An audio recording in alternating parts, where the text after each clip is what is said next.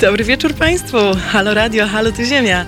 Przy mikrofonie Agata Skrzypczyk. Jest 19 środa 8 kwietnia. E, witam Państwa serdecznie tym razem ze studia w Warszawie. Jakże mi miło być e, z Państwem z powrotem, e, zarówno duchem, jak i ciałem. Mam nadzieję, że będziecie ze mną do dziewiątej. Halo Radio. Cześć wszystkim. E, dzięki, że jesteście ze mną na czacie na naszym YouTubie. Przypominam, że można słuchać naszej transmisji e, również oglądając ją na żywo właśnie na streamingu na YouTubie. E, cieszę się, że są Państwo ze mną. Ja też niezmiernie naprawdę z dużą przyjemnością nadaję dzisiaj ze studia w Warszawie. Muszę przyznać, że stęskniłam się już za tym miejscem. Um, najpierw, zanim przejdziemy do jakiegokolwiek innego tematu, to chciałabym e, wspomnieć naszego kolegę radiowego, e, Wiktora Batera, który niestety e, odszedł wczoraj. Jest to bardzo smutna informacja. Opuścił wiele, wiele osób za sobą, e, wielu współpracowników rodzinę, przyjaciół. Jest to duży szok i nadal ciężko o tym mówić, ponieważ e, wszyscy byliśmy tutaj mocno już e, zżyci i ciężko sobie wyobrazić, że jednego z naszych kolegów po prostu nie będzie. E, pewnie Państwo już też o tym słyszeli i chciałam właśnie z taką smutniejszą informacją zacząć.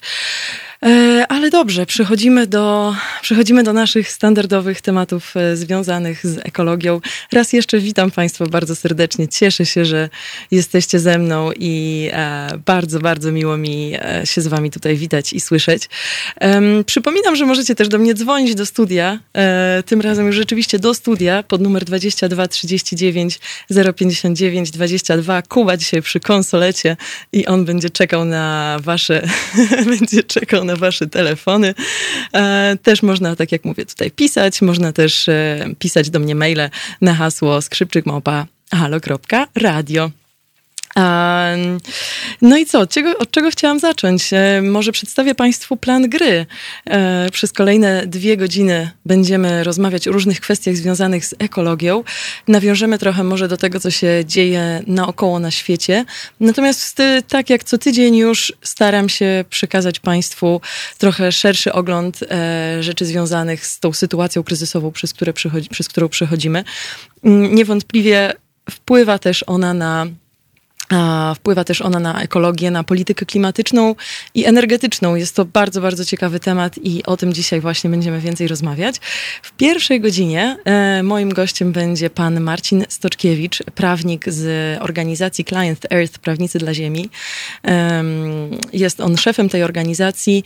E, Client Earth zajmuje się właśnie propozycją, proponowaniem różnego rodzaju e, rozwiązań dla polityki klimatycznej, energetycznej.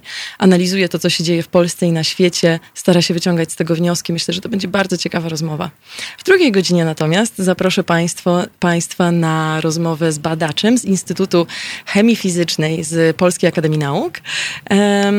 Jest to grupa badaczy, która od jakiegoś czasu pracuje nad stworzeniem organicznych, ekologicznych monomerów. Dlaczego będziemy o tym w ogóle mówić? Dlatego, że jest to, alter, jest to szansa na stworzenie alternatywy dla wszechobezwładniającego nas plastiku. Z racji tego, że Państwo też tutaj sporo na czacie, ach, już chciałam dotknąć swojej twarzy w ostatniej chwili się powstrzymałam. Było trudno. Um, tak, w każdym razie tydzień temu Państwo na czacie tutaj sporo e, też komentowali problem pojawiającego się, pojawiających się śmieci wszelkiego rodzaju, zarówno rękawiczek plastikowych, masek, torebek jednorazowego użytku z plastiku, których używamy w tej chwili.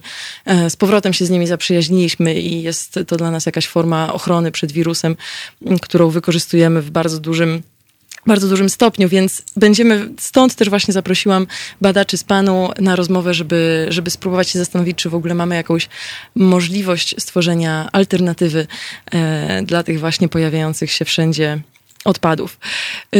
No dobrze, a co ciekawego się dzieje w świecie w ogóle? E, bo to też warto o tym wspomnieć. Oczywiście no, wszyscy śledzą, natomiast e, myślę, że też jest parę kwestii związanych z ekologią czy związanych z energetyką, które gdzieś tam mogły Państwo uciec. E, w zeszłym tygodniu wspominałam o tym, jak maleją w Polsce, maleje zapotrzebowanie na energię elektryczną i z racji tak zwanego merit order, który mamy w polskim prawie energetycznym, pierwszeństwo ma, mają źródła energetyczne z mniejszymi kosztami zmiennymi i tutaj na rynek właśnie wchodzi energia odnawialna. Źródła wiatrowe, źródła słoneczne. Faktycznie jeszcze nie możemy ocenić, jaka będzie długoterminowa y, zmiana na tym rynku energetycznym, natomiast już widać, że jest, y, że jest faktyczny wpływ tego spadku zapotrzebowania na energię, na, na zwiększona, zwiększoną produkcję ze źródeł, y, ze źródeł odnawialnych. Ciekawe, ciekawym jest to, jak to wpłynie na węgiel. W tej chwili już NSZZ Solidarność buntuje się trochę e, przeciwko temu, że nadal muszą płacić kary za emisję, a faktycznie energetyka węglowa dostaje teraz mocno po głowie w, tym, e, w takiej, a nie innej sytuacji. Także zobaczymy, jak się to będzie rozwijać dalej. Chciałam Państwu jeszcze powiedzieć parę różnych ciekawych informacji ze świata. Myślę, że ten temat poruszymy jeszcze, y, jeszcze oddzielnie, ale każdy pewnie zauważył wpływ tego kryzysu związanego z koronawirusem na, na sektor y, energetyki konwencjonalnej, na sektor paliw kopalnych, na sektor ropy naftowej, gazu ziemnego. I faktycznie ceny ropy naftowej znacznie lecą w dół i rzeczywiście branża też mocno dostaje przez tą całą sytuację. I nie wiadomo, wszystko się tak naprawdę rozchodzi w tej chwili o to, jakie będą pakiety pomocowe e, wprowadzane w przyszłości przez różne kraje na świecie i który sektor gospodarczy będą chcieli z tej sytuacji ratować. Natomiast jest taka ciekawa informacja, został opublikowany w dzienniku Guardian artykuł trochę może śledczy na temat tego, co się dzieje e, z dużym, z dużym rurociągiem, e, który transportuje, miał transportować ropę naftową z, z Kanady, z prowincji Alberta do Nowego Meksyku, czyli na południe Stanów Zjednoczonych. Ten projekt został już e, przedstawiony 10 lat temu, natomiast były bardzo duże sprzeciwy, ponieważ on ma iść przez mokradła i przez rdzenne tereny, przez dziewicze tereny rdzennych mieszkańców Stanów Zjednoczonych i Kanady. I tak te protesty przez ostatnie 10 lat były tak spore, że ten projekt nigdy nie ruszył. I ciekawym jest to, że dziennikarz z, właśnie z tego dziennika Guardian dotarł do tego, że rzeczywiście pojawiają się już tam pewne ruchy e, w kierunku tego, żeby, żeby ten rurociąg odpalić, że tak powiem. To się chyba nazywa uh, Keyline, Key Pipeline XL, jeśli dobrze pamiętam. Nie, e, nie pamiętam dokładnie tej nazwy. E, w każdym razie już widać, że na, właśnie do prowincji Alberty jest e, duży przepływ siły roboczej ze Stanów Zjednoczonych. E, oni się mogą przemieszczać z racji tego, że bazuje to na kontraktach pracowniczych mm, i zaczynają gdzieś tam jakieś pierwsze odwierty właśnie, czy konstrukcje pod ten, pod ten rurociąg wykonywać. Już nie mówię też oczywiście o tym, że tworzy to bardzo duże ryzyko w sytuacji takiej, którą w tej chwili mamy z koronawirusem. Ciężko też w ogóle sobie wyobrazić, też ten dziennikarz o tym sporo pisze, wspomina w tekście, ciężko sobie wyobrazić to, że, że w tej chwili robotnicy mieliby wchodzić i budować cokolwiek w dziewiczych terenach rdzennych mieszkańców e, Stanów Zjednoczonych, Indian, e, bo oni też żyjąc gdzieś tam w, trochę w oddali są zdecydowanie bardziej narażeni e, na choroby, więc jeszcze bardziej moglibyśmy to roznieść. No cóż, o, jak się cieszę, że Państwo dalej komentują się ze mną, witają. Jakie to przyjemne. Ciężko się do Państwa nie uśmiechać tutaj po prostu. E, zawsze energia radiowa jest, e, jest zdecydowanie przyciągająca i najlepsza.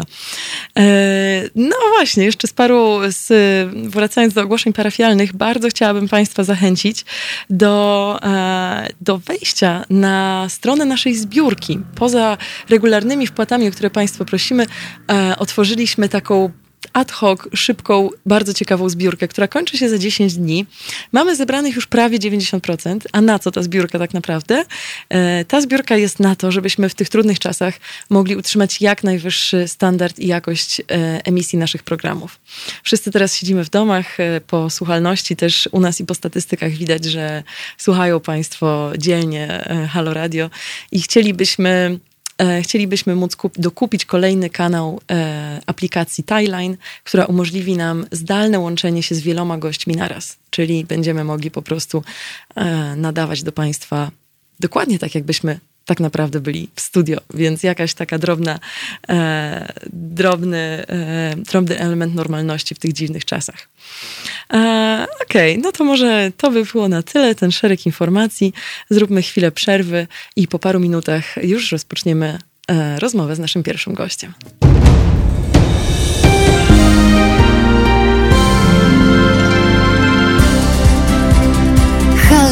Radio. Pierwsze radio z wizją.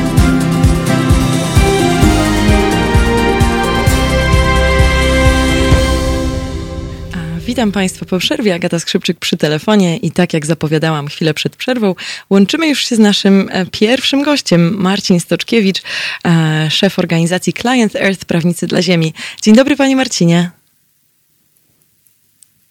Halo, halo.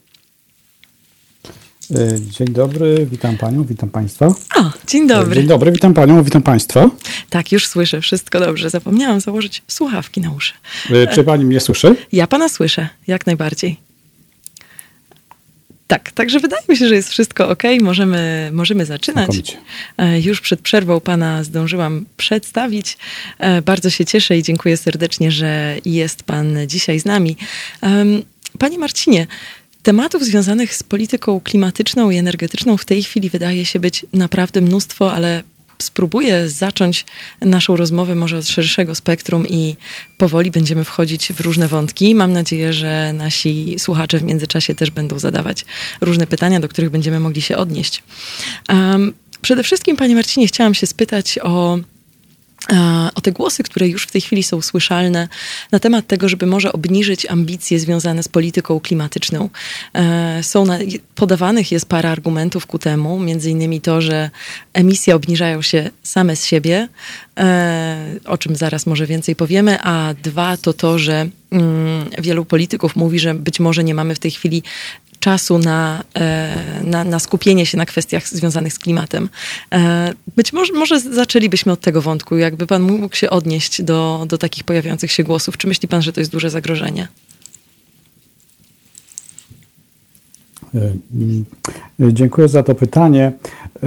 Wydaje mi się, że warto zauważyć, że obecnie, chociaż jesteśmy bardzo skoncentrowani na tym strasznym kryzysie epidemicznym, którego doświadczamy, e, to doświadczamy e, także innych kryzysów, albo one są już, czają się już za rogiem. Chodzi mi także o kryzys gospodarczy, który będzie wynikiem tego kryzysu epidemicznego, no i kryzys klimatyczny, który jest tak naprawdę jeszcze większym kryzysem niż ten pierwszy, niż ten drugi. Więc y, przed nami naprawdę niespokojne czasy i naprawdę kryzysowy y, czas. Warto moim zdaniem zwrócić uwagę, że lekarstwo na pierwszy czy drugi kryzys y, no nie powinny być, nie, pogłębie, nie powinny pogłębiać tego kryzysu znacznie głębszego, kryzysu klimatycznego. Więc to, e, to jakby taka uwaga wstępna. E, odnosząc się do tych głosów dotyczących e, konieczności czy też potrzeby pewnego rodzaju mm, poluzowania standardów ochrony środowiska, czy też przekierowania środków publicznych do branż energochłonnych, to wydaje mi się, że są to głosy, które jakby nie biorą pod uwagę Mm, tego, gdzie tak naprawdę się znajdujemy, jeśli chodzi o te kryzysy, ale także tego, gdzie się znajdujemy jako świat, jako Europa, jako Polska, y, na pewnym rozwoju, y, w pewnym stadium rozwoju gospodarczego, społecznego, a także prawnego. Ponieważ ja jestem prawnikiem, więc może y, spróbuję zmierzyć się z tym zagadnieniem jakby od, troszkę od strony prawnej. Mhm. Otóż, jeżeli chodzi o mm, politykę klimatyczną, E, e, no to te głosy dotyczące tego, czy polityka klimatyczna powinna być e, jakoś poluzowana, czy też nie, no można je odnieść do dwóch czy też trzech poziomów. Pierwszym poziomem to jest oczywiście ten poziom międzynarodowy, poziom negocjacji klimatycznych. Już wiemy, że spotkanie klimatyczne COP w Glasgow zostało odwołane, czyli ten, mm, ten rytm negocjacji klimatycznych do pewnego stopnia jest zaburzony. Mhm. Ale z tego nie wyciągałbym takich mm, wniosków, że w związku z tym można na, należy oczekiwać, że polityka klimatyczna w skali międzynarodowej będzie jakoś osłabiona, a to z tego powodu, że no mamy wiążące porozumienia wynegocjowane w Paryżu, y, później y, też doprecyzowane w Katowicach.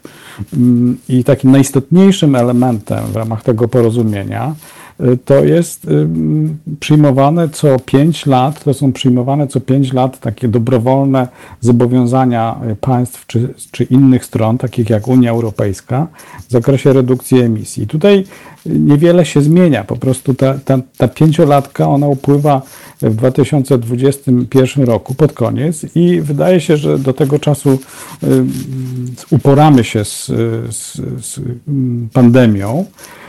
Więc to jest jedna rzecz. Jeżeli chodzi zaś o poziom unijny, no to tutaj chciałbym zwrócić uwagę, że polityka y, klimatyczna jest obecnie po prostu polityką przemysłową. To jest polityka gospodarcza Unii Europejskiej. Europejskiej. Mm. Ona tak mocno wrosła w, w politykę unijną, w politykę gospodarczą, że trudno y, wręcz y, mówić o, o jakimś zwrocie, w szczególności z tego punktu widzenia, że gospodarka e, już jest, jest w obecnym kryzysie, a ten tak zwany Zielony Ład zakłada bardzo duże inwestycje publiczne. Mhm. W związku z tym ta gospodarka będzie musiała, e, no właśnie tak troszkę jak w, po wielkim kryzysie w Stanach Zjednoczonych, gdzie prezydent Roosevelt ogłosił New Deal, czyli taki nowy, nowy ład gospodarczy, też będzie musiała się odrodzić w oparciu o inwestycje publiczne. I teraz właśnie nowy zielony, zielony Ład Gospodarczy Unii Europejskiej jest po prostu bardzo dalekosiężnym zamierzeniem przeorientowania polityki publicznej i, gospodarki unijnej w takim zielonym kierunku. I wydaje mi się, że w związku z tym tutaj te głosy sceptyków jakby idą w, w nieprawidłowym kierunku. Wręcz nam jest potrzebne więcej interwencji publicznych w stronę odnawialnych źródeł energii czy, czy, czy takiej nowoczesnej gospodarki niż nawet przed tym kryzysem. Mhm. No tak, zdecydowanie. Oczywiście się z tym zgadzam, natomiast obawiam się, yy, zastanawiam się po prostu właśnie, jakie decyzje będą yy, tutaj rządu. Wspomniał Pan o tym, bardzo mi się to yy, podoba, tutaj Pana optymizm, że ten nowy Zielony Ład i te inwestycje, które będą płynęły z tego, z tego wielkiego programu unijnego, mogą odbić gospodarkę po kryzysie w tą zieloną stronę tak rzeczywiście byłoby fajnie. Myśli pan, że to, co się teraz dzieje, nie wpłynie na założenia yy, Green New Deal? Y, zobaczymy, ale y, ja bardzo dokładnie obserwuję mm, to, co się dzieje mm, właśnie na poziomie unijnym i te Głosy, które dochodzą z e, tego centrum decyzyjnego w Brukseli, e, e, są następujące. Unia Europejska w związku z kryzysem pandemicznym potrzebuje wręcz planu Marszala, to jest głos Ursuli von der Leyen, a mm, pan Timmermans wskazuje, że ten plan Marszala powinien być zielony i mówi, że ten proces unijny, czyli właśnie mm, nowy zielony, e, zielony ład e, absolutnie nie będzie porzucony, tylko wręcz przeciwnie, czyli że mm, wygląda na to, że i większość państw członkowskich, i decydenci obecnie w Unii, ale także, co myślę przede wszystkim ma największe znaczenie, po prostu gospodarka, gospodarka unijna na tyle już Y, zaczęła się przestawiać na tą zieloną stronę, że praktycznie do, po prostu powrotu do tej starej gospodarki opartej o paliwa kopalne nie ma. Te sektory oczywiście będą się jeszcze utrzymywać, ale to, co jest przyszłością i to, gdzie y, y, biznes upatruje inwestycje, mhm. to jest nowoczesna, nowoczesna, zrównoważona gospodarka. No właśnie, dzisiaj, dzisiaj czytałam takie podsumowanie, które e, organizacja o nazwie Irena opublikowała. I oni mówili, że w 2019 roku w światowym ujęciu, chyba już nie pamiętam dokładnie tej liczby, ale wydaje mi się, że jedna trzecia czy jedna jedna czwarta, bardzo duża mimo wszystko, duża część energii elektrycznej produkowanej na świecie pochodziła ze źródeł odnawialnych. Wydaje mi się, że to mogła być nawet jedna trzecia. Więc ten trend zaczął się naturalnie w 2019 roku. jeżeli utrzymamy, tak jak Pan mówi, to jest kwestia prawdopodobnie mm, długoletnich inwestycji, większych planów, więc też y, tego rodzaju kryzysy, przez które przechodzimy, nie powinny chyba zawiać tymi planami na tyle mocno, żeby jakoś negatywnie na to wpłynąć, takie mam wrażenie. Natomiast obawiam się tutaj o zagrożony dosyć mocno y, łańcuch dostaw, światowy łańcuch dostaw, też przez to, co się dzieje w Chinach. Słyszy, słyszeliśmy takie głosy, że rozpoczęte inwestycje w energetykę słoneczną muszą zostać wstrzymane z racji tego, że po prostu nie mogą importować potrzebnych e, części e, właśnie z Azji. Myśli pan, że to może wpłynie na rozwój lokalnego rynku jakoś? Czy to powinno to wrócić do normy, jak pan uważa? No, Najprostsza odpowiedź brzmi oczywiście nie wiem, ale, ale y, y, jakie są, co należy brać pod uwagę? Myślę, że y, należy brać pod uwagę to, że ten kryzys, z którym mamy do czynienia, bardzo mocno wpływa na świadomość decydentów, zarówno biznesowych, jak i politycznych. No i taka mm, na pewno nastąpi coś w rodzaju pewnego rodzaju regionalizacji, czy, takiego, czy takiej deglobalizacji, w sensie tym, że y, liderzy biznesowi, czyli polityczni muszą zdawać sobie sprawę z tych zerwanych łańcuchów dostaw i być może, że jest to pewnego rodzaju szansa także na budowę tego typu potencjału przemysłowego dla technologii OZE w Europie. E, na pewno polski rząd e, widzi tutaj pewną szansę. Czymś dla mnie bardzo symptomatycznym jest apel ministra klimatu do Unii Europejskiej, który sprzed paru dni, który nie apeluje o to, żeby Komisja czy Unia Europejska zgodziła się na większą pomoc dla, dla kopalń w Polsce, mhm. czy dla węgla generalnie, tylko apeluje o, o, pomoc dla sektora odnawialnych źródeł energii i w, w szczególności dla przemysłu odnawialnych źródeł energii.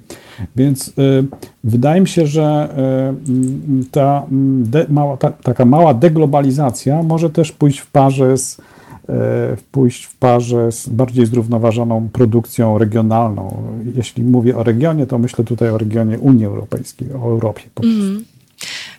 Taką też mam nadzieję, zdecydowanie. Zresztą też y, mam takie wrażenie, to chyba Państwo opublikowali właśnie organizacja Client Earth jakiś czas temu swoje stanowisko, raport w tej sprawie, mówiący o tym, że energia odnawialna jest um, w tej chwili tym mocniej się powinna rozwijać przez tą siłę prosumencką też. I myśli pan, że to będzie siła, która może, e, ten głos, który może być jeszcze dodatkowo wzmocniony? Mam wrażenie, że ludzie może będą się skłaniać w poszukiwaniu też niezależności energetycznej. Pomimo tego, że ceny energii elektrycznej w tej chwili maleją, e, to mimo wszystko mam wrażenie, że takie kryzysy też skłaniają ku, e, ku rozwiązaniom prosumenckim. Zdecydowanie tak. Myślę, że w na tym kryzysie na pewno, po tym kryzysie na pewno będą wygrani i przegrani. I bez wątpienia branża IT i te wszystkie branże, które mogą funkcjonować w taki sposób troszkę bezobsługowy, prawda? A taki charakter mają w większości instalacje OZE, czy to farmy wiatrowe, czy farmy fotowoltaiczne, czy takie y, instalacje prosumenckie, po prostu fotowoltaika na dachu i pompa ciepła w domu.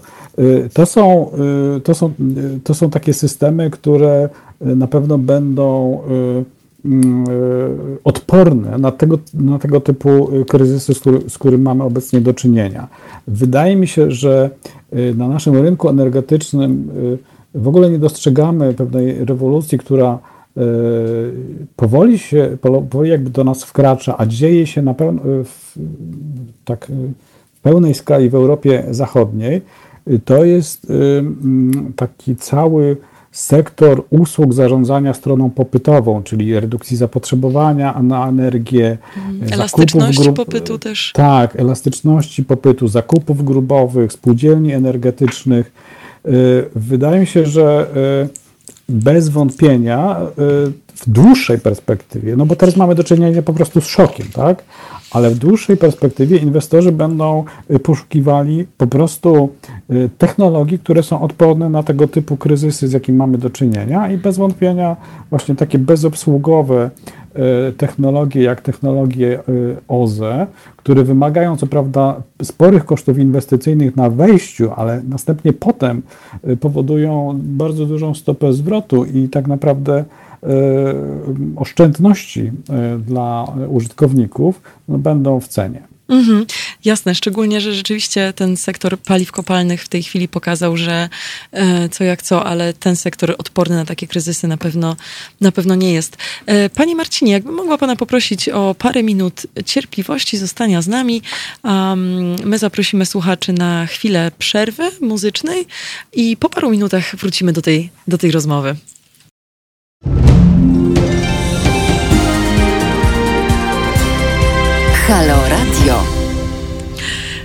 Niezmiennie przy mikrofonie Agata Skrzypczyka, razem ze mną cały czas na naszej linii gość Marcin Stoczkiewicz, szef e, organizacji Client Earth Prawnicy dla Ziemi. Chwilę przed przerwą rozmawialiśmy o, no cały czas rozmawiamy o tym samym w zasadzie, co ten kryzys związany z wirusem przyniesie, jaką przyszłość przyniesie polityce klimatycznej i energetycznej. Panie Marcinie, chciałabym też mm, podać mm, takie przykłady takich pakietów pomocowych e, dla gospodarki po kryzysach płynące z innych krajów. I pozwolę sobie, e, pozwolę sobie zacząć, bo mm, często jest w tej chwili przywoływany przykład Korei Południowej, e, która w 2000, po kryzysie w 2007 roku, właśnie w 2008 wprowadziła taki zielony program, e, który miał doprowadzić do zielonego wzrostu w kraju.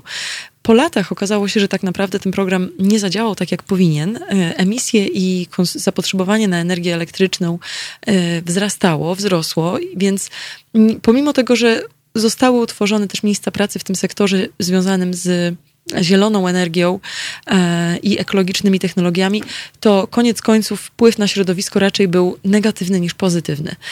I paru różnych y, mm, skut, parę różnych przyczyn y, takich skutków się dopatrywano. Między innymi to, że Raz, że ten plan był mocno zcentralizowany, że płynął po prostu z góry i nie dawał możliwości na tą regionalizację, o, którym, o której Pan wspomniał przed przerwą, ale też, co myślę, że też jest warte tutaj omówienia, że ten program zakładał wzrost, cały czas wzrost w gospodarce. Pomimo tego, że zielony i nawoływał do green growth, to mimo wszystko opierało się to na napędzaniu PKB, e, które też może później pójść właśnie w te negatywne skutki dla środowiska. I zastanawiam się, czy pan nie uważa, że tutaj mamy podobne ryzyko, że te emisje, które spadają od paru tygodni, to są takie optymistyczne obrazki przedstawiane w mediach. Natomiast myślę, że ludzie z branży nie cieszą się e, tym tak bardzo, bo wiedzą, że że to może wrócić jeszcze nawet powyżej tych poprzednich poziomów. I myśli pan, że to nie jest e, tutaj właśnie w przypadku mm, no, Zielonego Nowego Ładu Unii Europejskiej? Czy tutaj nie mamy takiego ryzyka też? Myślę, że y, może zacznę od tego, że y, y, żeby mm, że polityka klimatyczna Unii Europejskiej i to, co obecnie jest elementem tej polityki w Polsce, E, czyli w szczególności dwa podstawowe systemy: system wsparcia odnawialnych źródeł energii, ale także system obciążania e, e, emisji opłatą od emisji, one są powiązane. I mm, dobry mechanizm przekształcania e, gospodarki w taką właśnie niskoemisyjną czy zeroemisyjną stronę y, musi, nie może opierać się wyłącznie na y, po prostu subsydiach dla y, pewnej, pewnego segmentu rynku. Musi opierać się także na pewnego rodzaju, to musi być po prostu bat i marchewka, prawda? Mhm. To, tymi, tą marchewką są subsydia, no a pewnego rodzaju kijem są opłaty od emisji.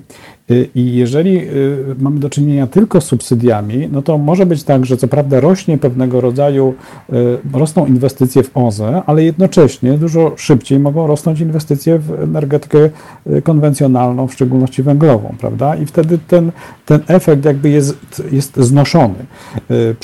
Natomiast bardzo ciekawy z tego punktu widzenia mm, model, to jest model właśnie y, tego europejskiego systemu handlu emisjami, który tak naprawdę w sensie ekonomicznym to jest po prostu poda parapodatek od emisji CO2, I jak on działa? On działa w ten sposób, że te wysokoemisyjne źródła po prostu muszą płacić za, za każdą tonę emisji dwutlenku węgla.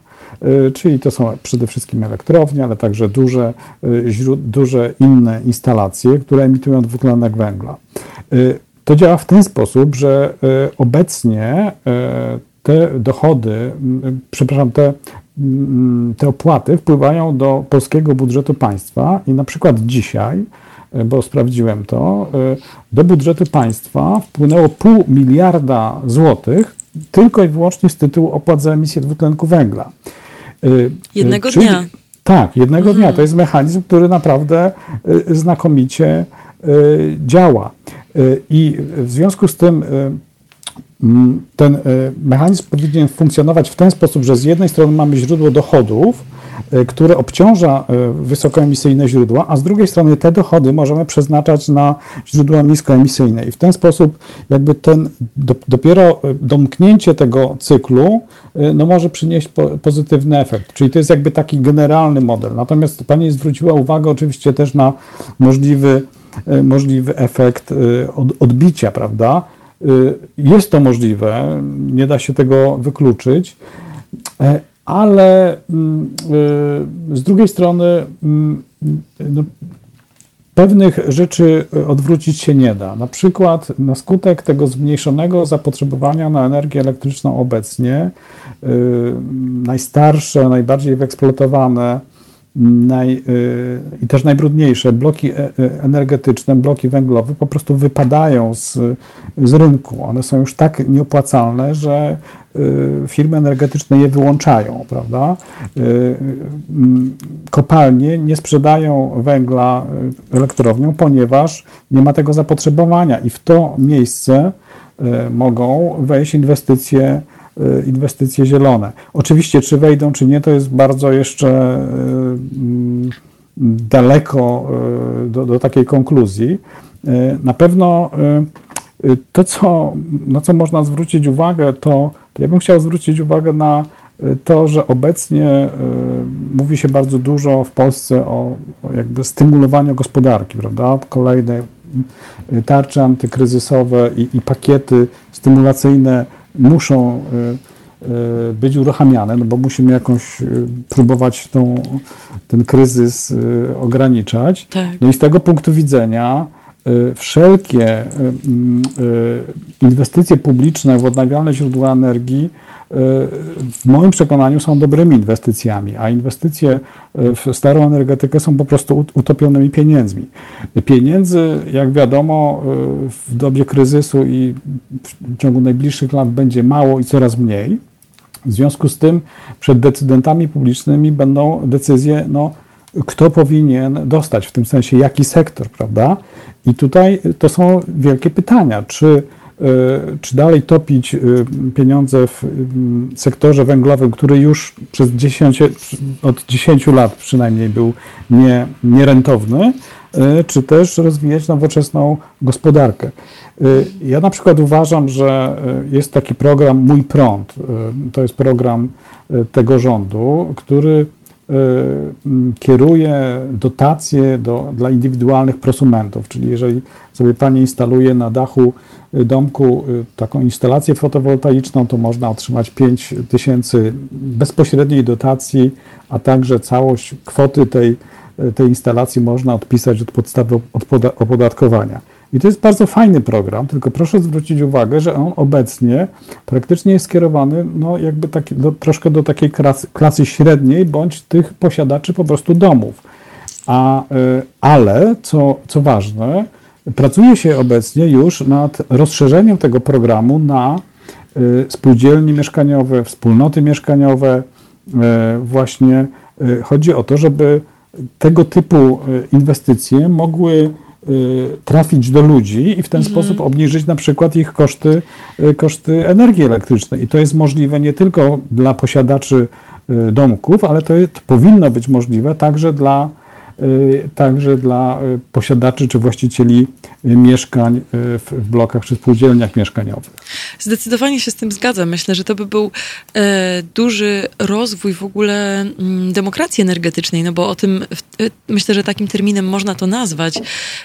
Rzeczywiście, żeby spółdzielnie mogły być właścicielami takich projektów i, i dostawać wsparcie. Myślę, że zdecydowanie jest to, jest to przyszłość. Pozwolę sobie tutaj też zacytować um, bardzo, ciekawe, bardzo ciekawe słowa, y, które usłyszałam na y, fajnym webinarium parę dni temu, organizowanym przez Szwedzki Instytut Środowiskowy. I tam jednym, y, jednym z rozmówców y, był, był uczony z Wielkiej Brytanii jego komentarz w całej tej sprawie, tego właśnie, temat był podobny do tego, o czym my teraz rozmawiamy, czyli jak, jaki wpływ to ten kryzys, przez który przechodzimy, będzie miał na politykę klimatyczną i energetyczną.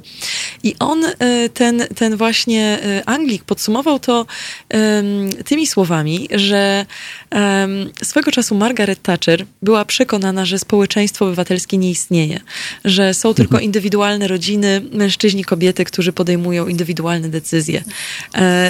I on, te zmiany, które w tej chwili gdzieś tam się mm, już e, dokonują, a on miał nadzieję, że też właśnie w przyszłości jeszcze, jeszcze bardziej, e, stwierdził, że to jest oficjalne zakończenie ery lat 80. i ery Margaret Thatcher, bo co jak co to właśnie idziemy w stronę rozwoju społeczeństwa obywatelskiego.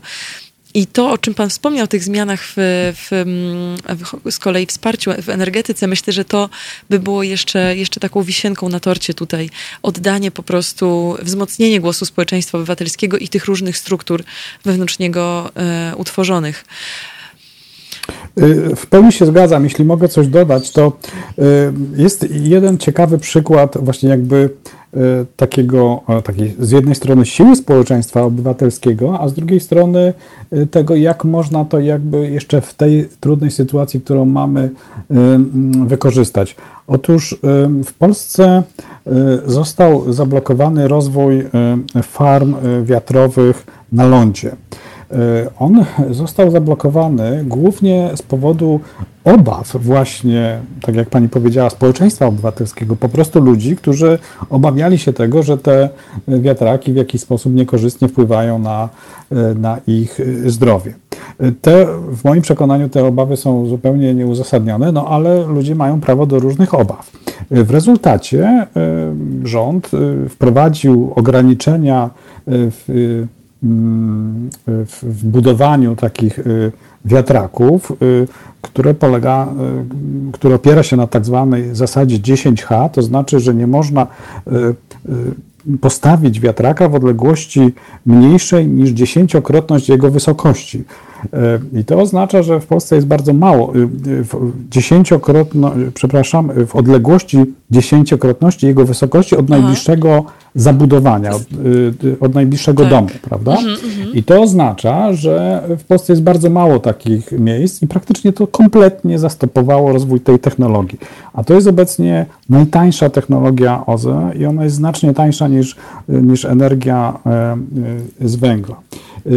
I teraz y, rzecz w tym, że można i y, słyszałem o takich y, koncepcjach odblokować rozwój tych, mm, tych instalacji przy użyciu tak zwanego modelu duńskiego. To znaczy w modelu duńskim jest zawarta jakby taka zasada, że społeczności lokalne, czy to gmina, czy to gmina dokładnie rzecz biorąc, ma prawo weta, może y, nie zgodzić się na lokalizację da, danej y, infrastruktury wiatrowej na swoim terenie, ale jeżeli, mm, ale prawo pozwala Y, gminie, czy też mieszkańcom gminy na uczestniczenie w y, korzyściach z, te, z takiego mhm. przedsięwzięcia. Mhm. Innymi słowy, mamy tutaj do czynienia z takimi spółkami jakby komunalnymi, czy spółkami, w których, w których po prostu uczestniczą w, w zyskach z tych wiatraków, y, uczestniczą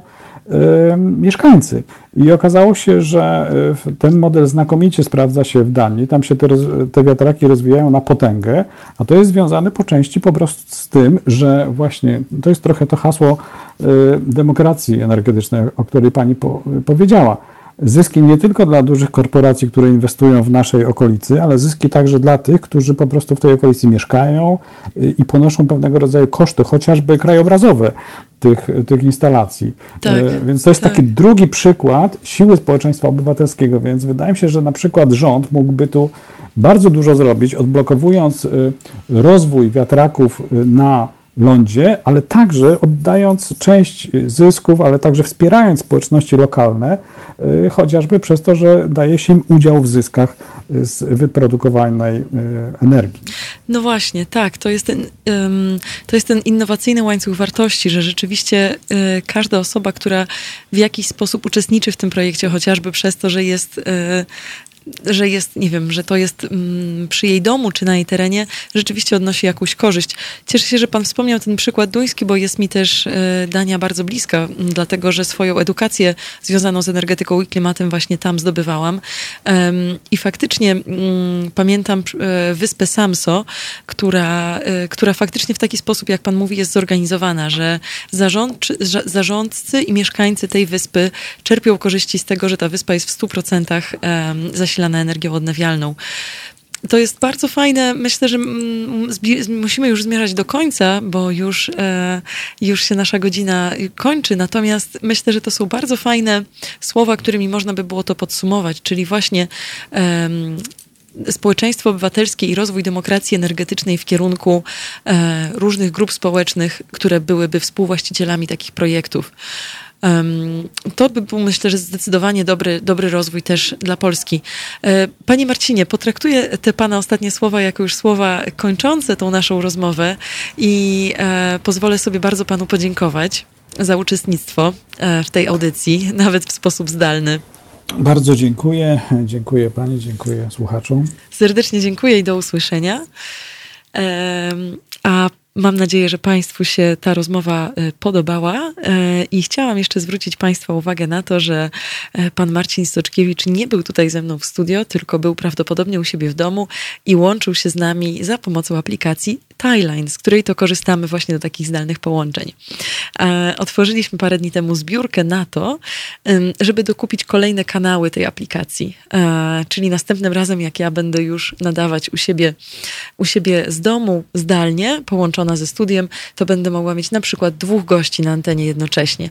Więc w ogóle Państwa uszom e, już wtedy ukaże się audycja, która brzmi dokładnie tak, jakby był normalny dzień i normalne nadawanie ze studia. Jeżeli Państwo chcą wesprzeć ten projekt, do czego bardzo zachęcam, e, to proszę znajdźcie informacje do tego na naszym Facebooku i na stronie Halo Radio. Jeszcze 10 dni do końca zrzutki. Mamy już 90% uzbieranych, a więc e, jest duża szansa, że nam się to uda odpalić. E, Zaproszę Państwa serdecznie na parę minut przerwy i już po przerwie połączymy się z profesorem z Polskiej Akademii Nauk i będziemy rozmawiać o różnych alternatywach dla plastiku. Zostańcie z nami i słyszymy się chwilkę po 20.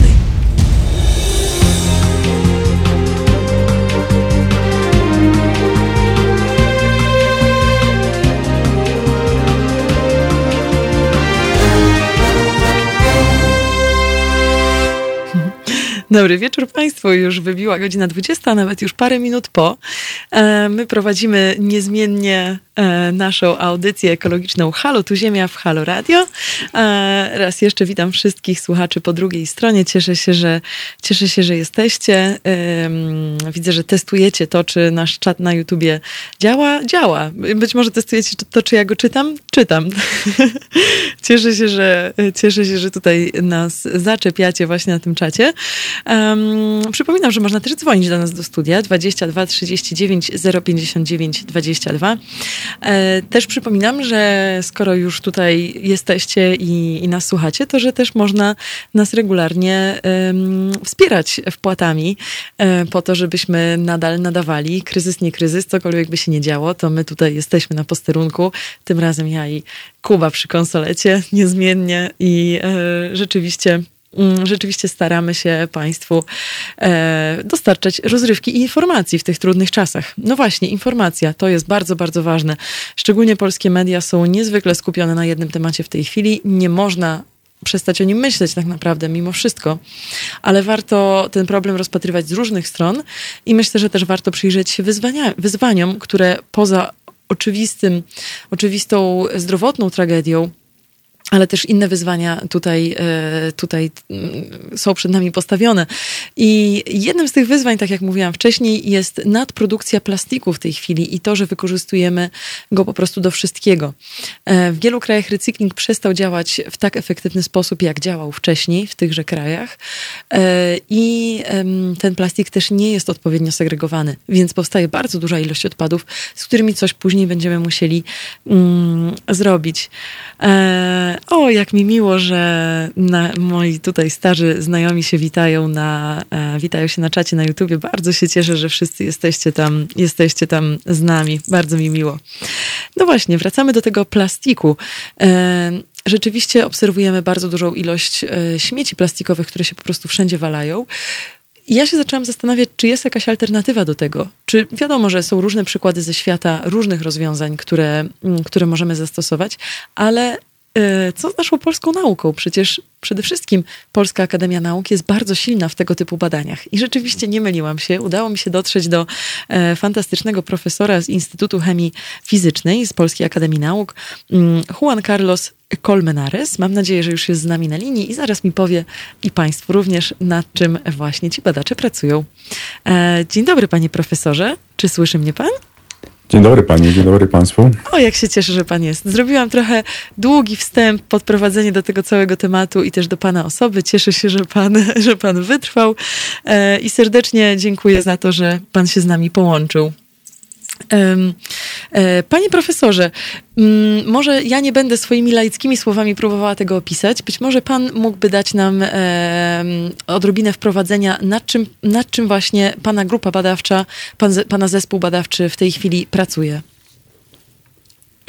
My w e, Instytucie Chemii Fizycznej Polskiej Akademii Nauk pracujemy nad metodą e, produkcji takiego monomeru z z odpadów organicznych, tak mówiąc ogólnie, poprzez taką metodę, którą, e, która wykorzystuje e, potencjalnie chcemy wykorzystać światło słoneczne, obecność katalizatora, czyli taki, taka substancja, która będzie przetwarzała tę tą biomasę e, w, w monomer, taki związek, który z niego można produkować, polimery biodegradowalne, czyli bioplastiki. A z czego miałaby by pochodzić ta biomasa, która by była wykorzystana w procesie?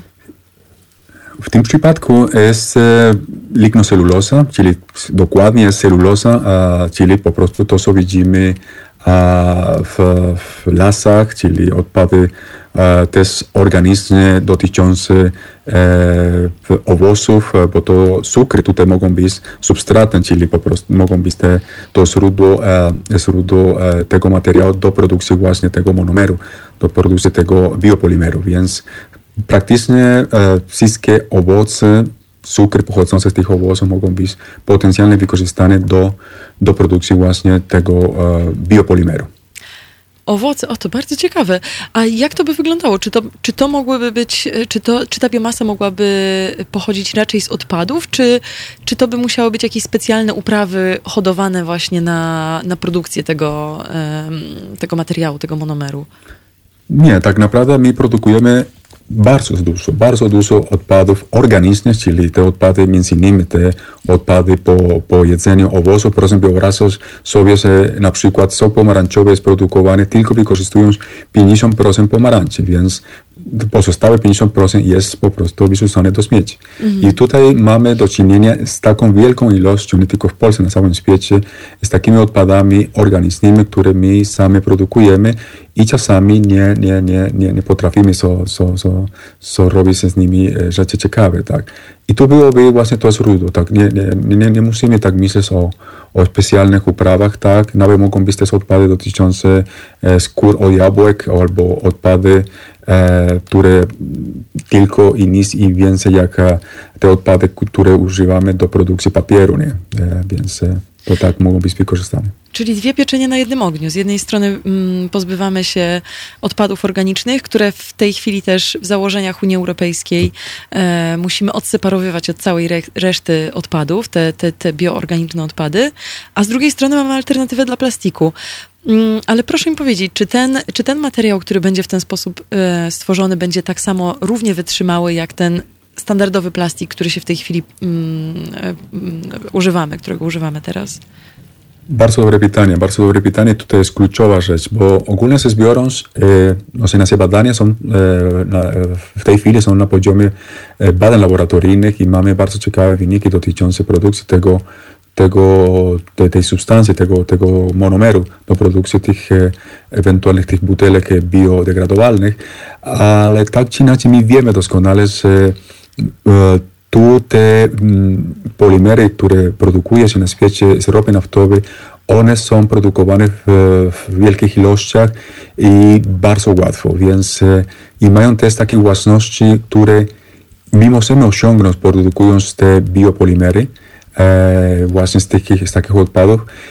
Pra, e, pytanie jest następujące. E, my wiemy doskonale, że do wszystkich zastosowań może i ewentualnie e, nie może być zastosowany ten biopolimer, ponieważ e, po to jest ten biopolimer, żeby w ciągu paru lat maksymalnie on ulegał biodegradacji w środowisku naturalnym, więc także jeśli chcemy pakować nasze rzeczy na wiele lat w plastiku, to może lepiej już używać innych polimerów. Zresztą recykling takich polimerów, które znamy, to jest e, pożądana rzecz do do fabrykowania, fabrykowania takich właśnie pudełek, na przykład jeśli chcemy schować nasze zdjęcie stare czy książki, to wtedy e, taki polimer wytrzyma w tam szufladzie gdzieś w domu wiele lat.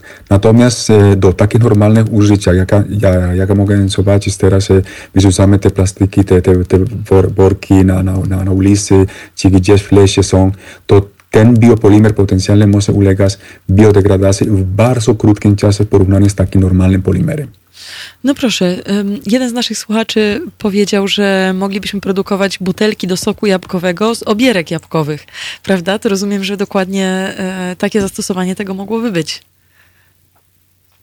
Tak, tak. E, są różne e, teraz pomysły na świecie. Oczywiście konkurować z ceną produkcji takiego normalnego polimeru ropy naftowej na razie jest ten jeden z takich powiedzmy barier, które my mamy teraz, takich rzeczy, które trzeba jeszcze pracować nad, nad, nad tym, tak ale właśnie poprzez takie różne odpady mogą, mogą być produkowane różne, różne polimery.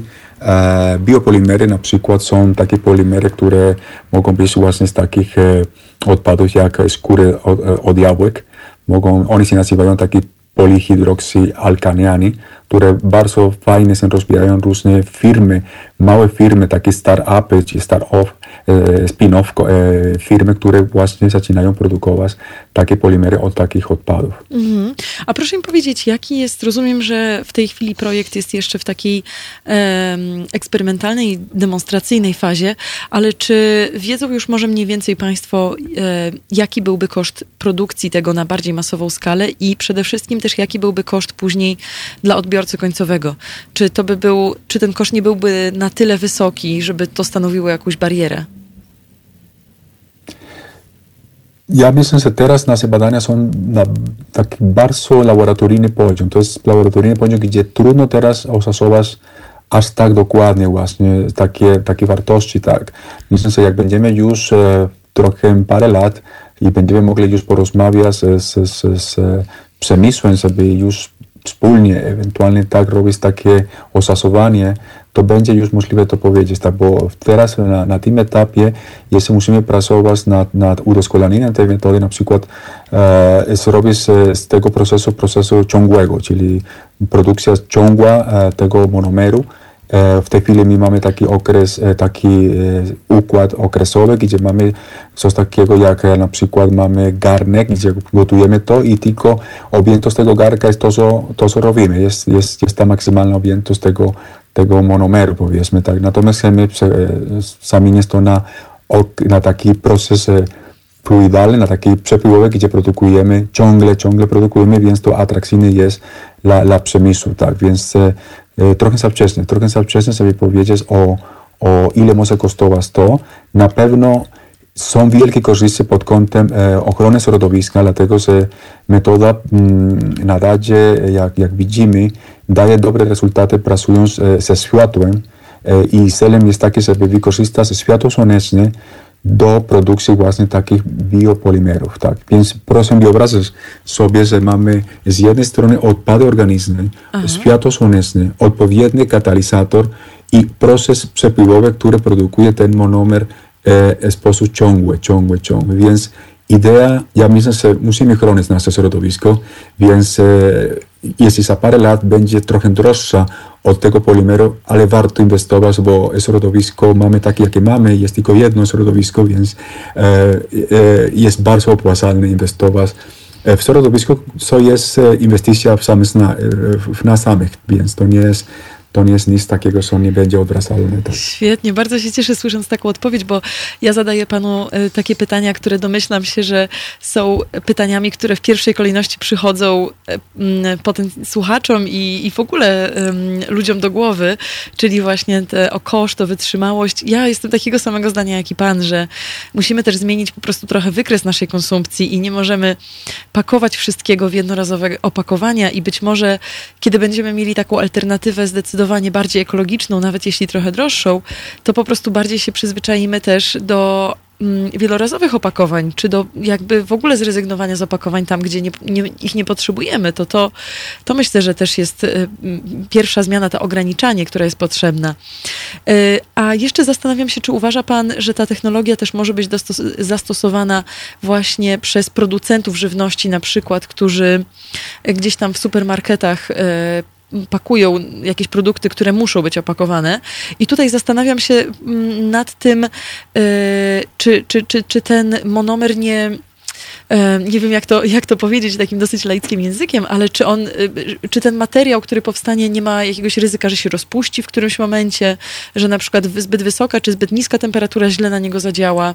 Czy to będzie taki stabilny, stabilny materiał? Dobre, bardzo, bardzo, bardzo dobre pytanie. Bardzo Dziękuję. dobre pytanie, bo akurat e, wiele razy miałem takie, pyta, e, takie pytanie, gdzie e, ludzie się obawiali, czy w przypadku jak piją tą kolę, czy ten sok, nie rozpuści się cała butelka, ale nie, nie, nie, nie, nie o to chodzi. Tutaj akurat już są badania prowadzone na takich polimerach, gdzie nawet one, te polimery dla, dla przemysłu spożywczego ma, ma o wiele lepsze własności niż polimer produkowany z, z, z ropy naftowej, więc on, on, on puszcza e, pewną ilość tlenu, on wytrzyma te warunki, normalne warunki pokojowe, jak jeśli jest bardzo gorąco, na przykład 30 albo 35 stopni albo 40 stopni.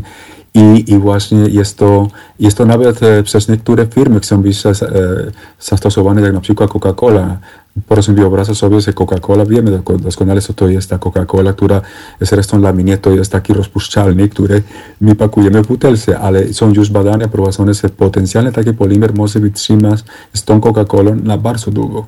Bardzo długo oznacza to, że kupujemy kole e, dzisiaj i możemy e, pić za parę tygodni, nic nie ma tam bez problemu. My mówimy tutaj e, w, w zakresie paru lat. Proszę wyobrażać sobie polimer produkowany z ropy naftowej mówimy o ponad 100 lat. On będzie trwał, on będzie tam, więc e, i będzie zanieczyszczał środowisko i będą te zwierzęta wodne w różnych e, stronach świata będą się karmiły tym, będą e, niestety e, miały problemy e, zdrowotne właśnie z powodu tych mikroplastików i tak dalej, więc sprawa jest, jest, jest bardzo ważna pod tym kątem, nasz, nasz biopolimer, nawet mogę powiedzieć, że jeśli on ulega degradacji, on ulega degradacji do czego? Do tego monomeru. Do tego monomeru, więc który można ponownie wykorzystać do tworzenia jakiegoś tam polimeru. Ach, rozumiem. Okej. Okay. A to, to, to, wygląda na to, że... To... A jeszcze mogę mhm. dodać, jeszcze mogę tak. dodać coś takiego, że ponieważ proszę, proszę wyobrazić sobie coś takiego, że mamy biopolimer produkowany z cukrów. On jest w środku lasu. Mikroorganizmy, bakterie nie mogą zjeść tego polimeru produkowanego z ropy naftowej.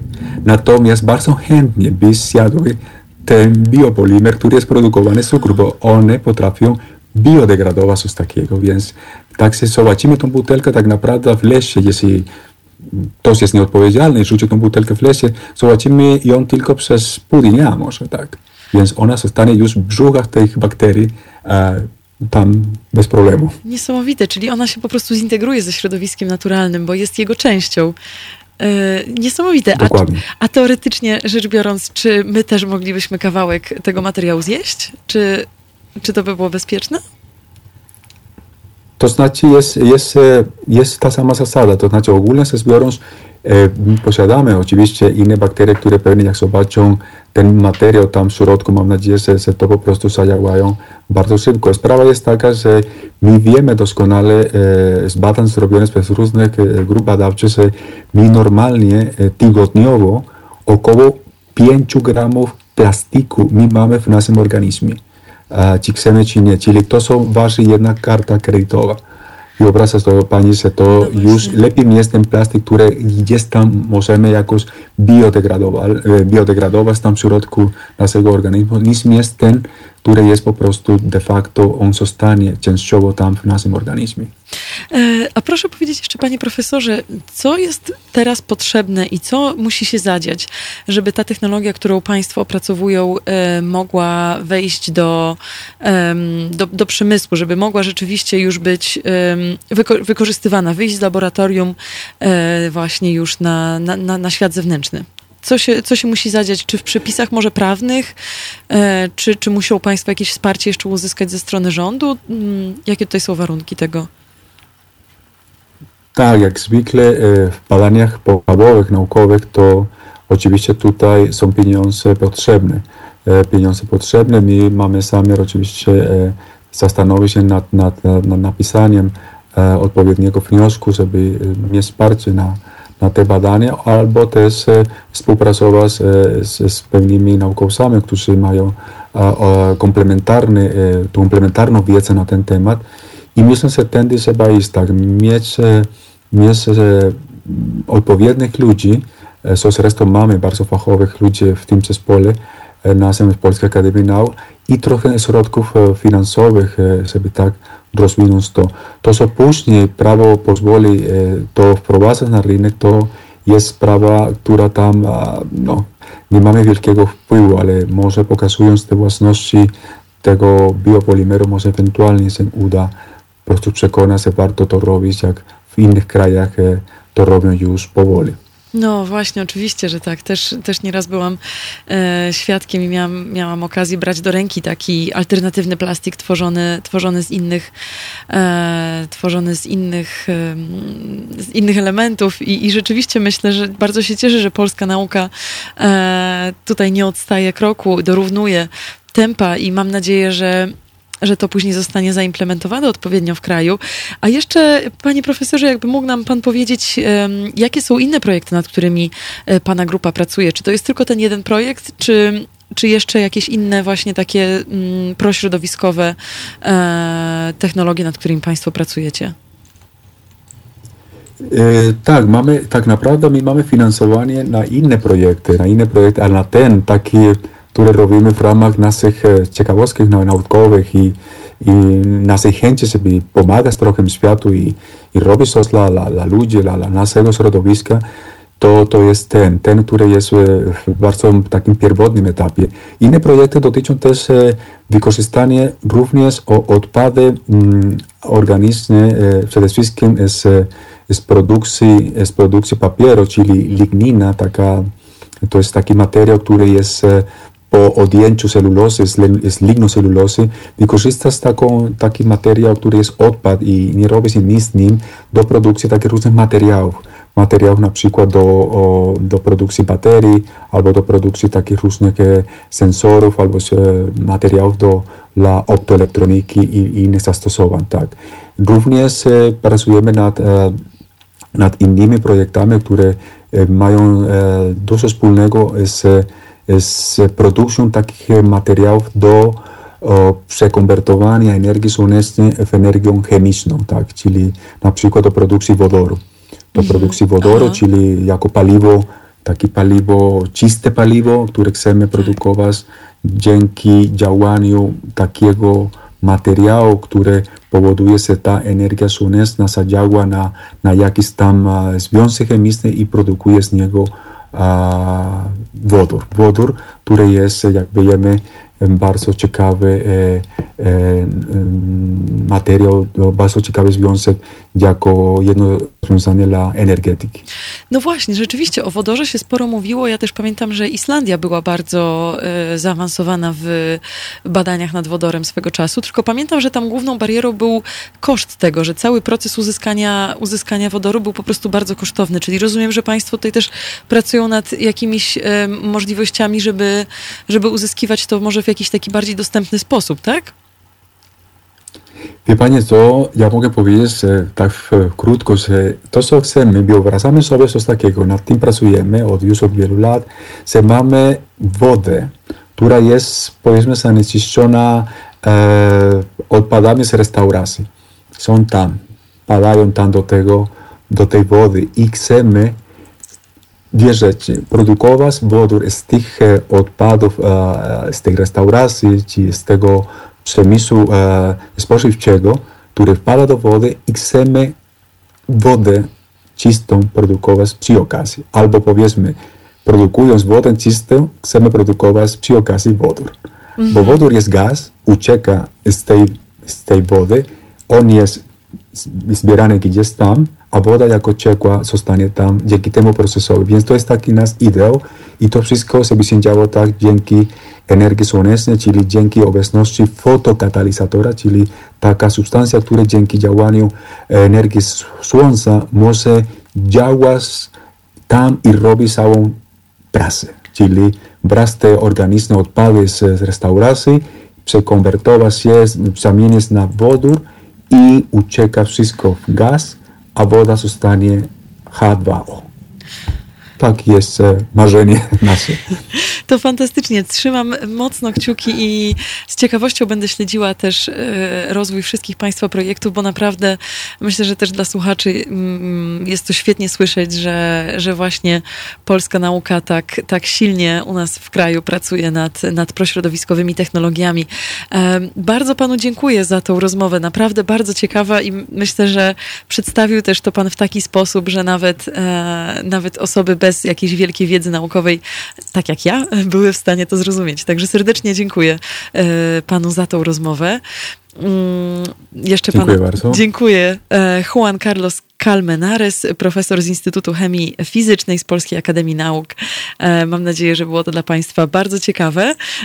Zrobimy może parę minut przerwy na, na wytchnienie i na szklankę wody i dosłownie po paru minutach słyszymy się z powrotem.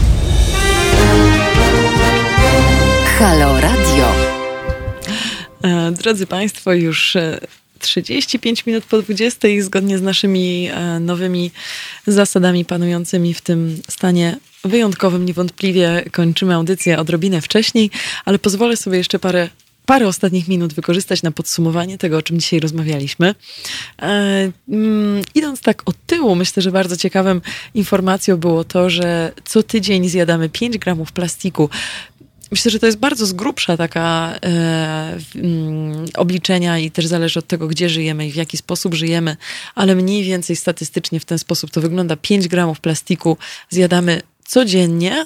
W, między innymi wypijamy ją w wodzie, która zawiera ze sobą odrobinę plastiku lub też w rybach, które zawierają odrobinę plastiku. Tak naprawdę w, w gro naszego, nasz, naszego pożywienia ten plastik jest obecny. Te 5 gramów to tyle gramów plastiku, ile jest potrzebnych do wyprodukowania karty kredytowej. To jest trochę przerażająca liczba. No właśnie, z profesorem z Instytutu Chemii Fizycznej Polskiej Akademii Nauk, Juanem Carlosem Kolmenaresem rozmawialiśmy o stworzeniu organicznej, ekologicznej alternatywy do plastiku. E, mam nadzieję, że Państwo zrozumieli, e, myślę, że tłumaczył to w bardzo prostych słowach, na czym to polegało. Myślę, że to jest bardzo, bardzo ciekawe wykorzystanie tylko i wyłącznie biomasy, frakcji organicznej, katalizatora i słońca do tego, żeby stworzyć materiał, który może zastąpić plastik. Ciekawe. Co prawda, może on wytrzyma rok czy dwa, nie będzie tak jak plastik na tysiąc lat, ale może to i lepiej. E, nie szukamy takiej alternatywy, która która ma zaśmiecić naszą ziemię na tysiące lat. Y, bardzo fajnie jest, y, ja dotarłam do mm, właśnie do, do, do profesora Kolmenarysa przez stronę panu i e, bardzo się ucieszyłam, że polska nauka naprawdę tak silnie pracuje nad takimi proekologicznymi technologiami. E, myślę, że nasza polityka może nie do końca nad tym e, podąża, ale mam nadzieję, że zapewni na przykład takiej grupie badawczej odpowiednie warunki do tego, żeby takie technologie wprowadzać później już w rynek. A jakbym miała podsumować pierwszy temat naszej rozmowy, to myślę, żebym podsumowała go e, dwoma stwierdzeniami: społeczeństwo obywatelskie i demokracja energetyczna. Mam nadzieję, że to, co się teraz dzieje, co niewątpliwie ma też wpływ na polską energetykę, zakończy się, zakończy się faktycznie jakimiś zmianami w energetyce, które będą może pozytywne. Oczywiście ten pozytywny wpływ nie jest w wyniku wirusa, żeby nie, nie łączyć tego w ten sposób, nie tworzyć takiej konotacji, broń Boże. Natomiast kryzys, przez który przechodzimy, daje szansę na zredefiniowanie po prostu różnych obszarów gospodarki i energetyka też przed takim wyzwaniem stoi.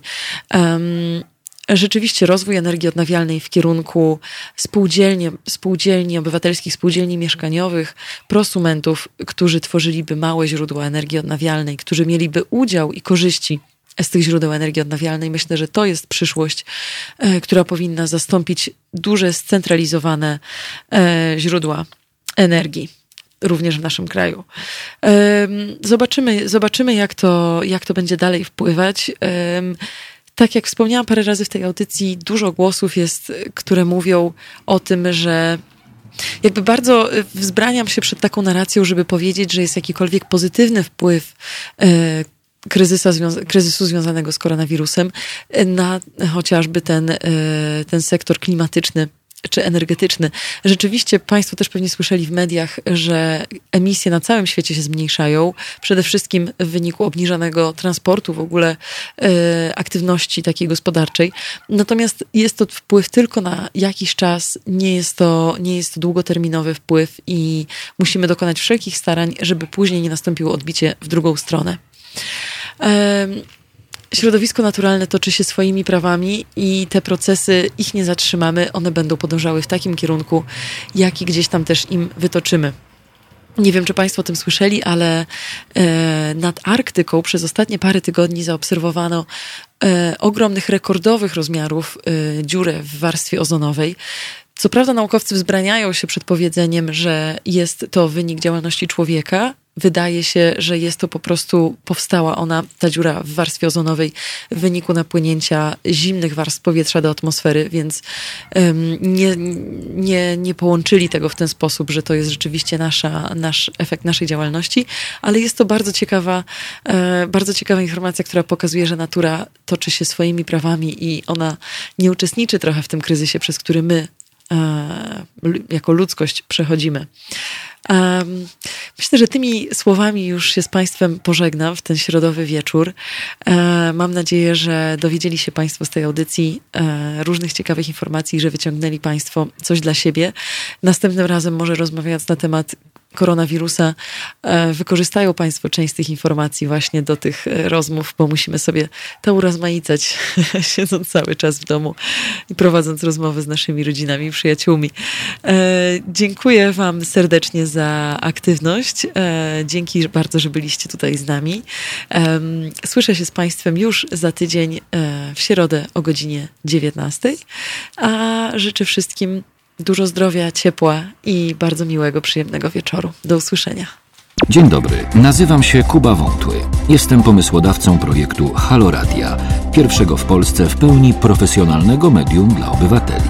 Dla niektórych z Państwa jestem też ojcem dyrektorem, chyba dlatego, że czasami udzielam się w naszych programach nagle i z zaskoczenia. I dobrze, wszak dobre toruńskie wzorce są zawsze w cenie, no poza tym jednym – Pan Rydzyk gromadzi pieniądze, by nas dzielić i z czasem doprowadzić do wojny domowej na tle religijnym. My prosimy natomiast Państwa o wsparcie, by móc z Wami rozmawiać, by wspólnie się uczyć, by tolerancję zastąpiła akceptacja. Zauważyliście, jak różne są te dwa słowa? Akceptujmy siebie i akceptujmy to, że po 30 latach, od 1989 roku, tylko dzięki państwu możemy tworzyć medium bez udziału polityków i nie na pasku korporacji. Pamiętajcie o nas codziennie. I jeśli chcecie być częścią naszej społeczności, to słuchajcie, oglądajcie, piszcie, mówcie i finansujcie swój obywatelski projekt Halo Radia. www.halo.radio ukośnik SOS. Dziękuję w imieniu wszystkich dziennikarzy i swoim własnym.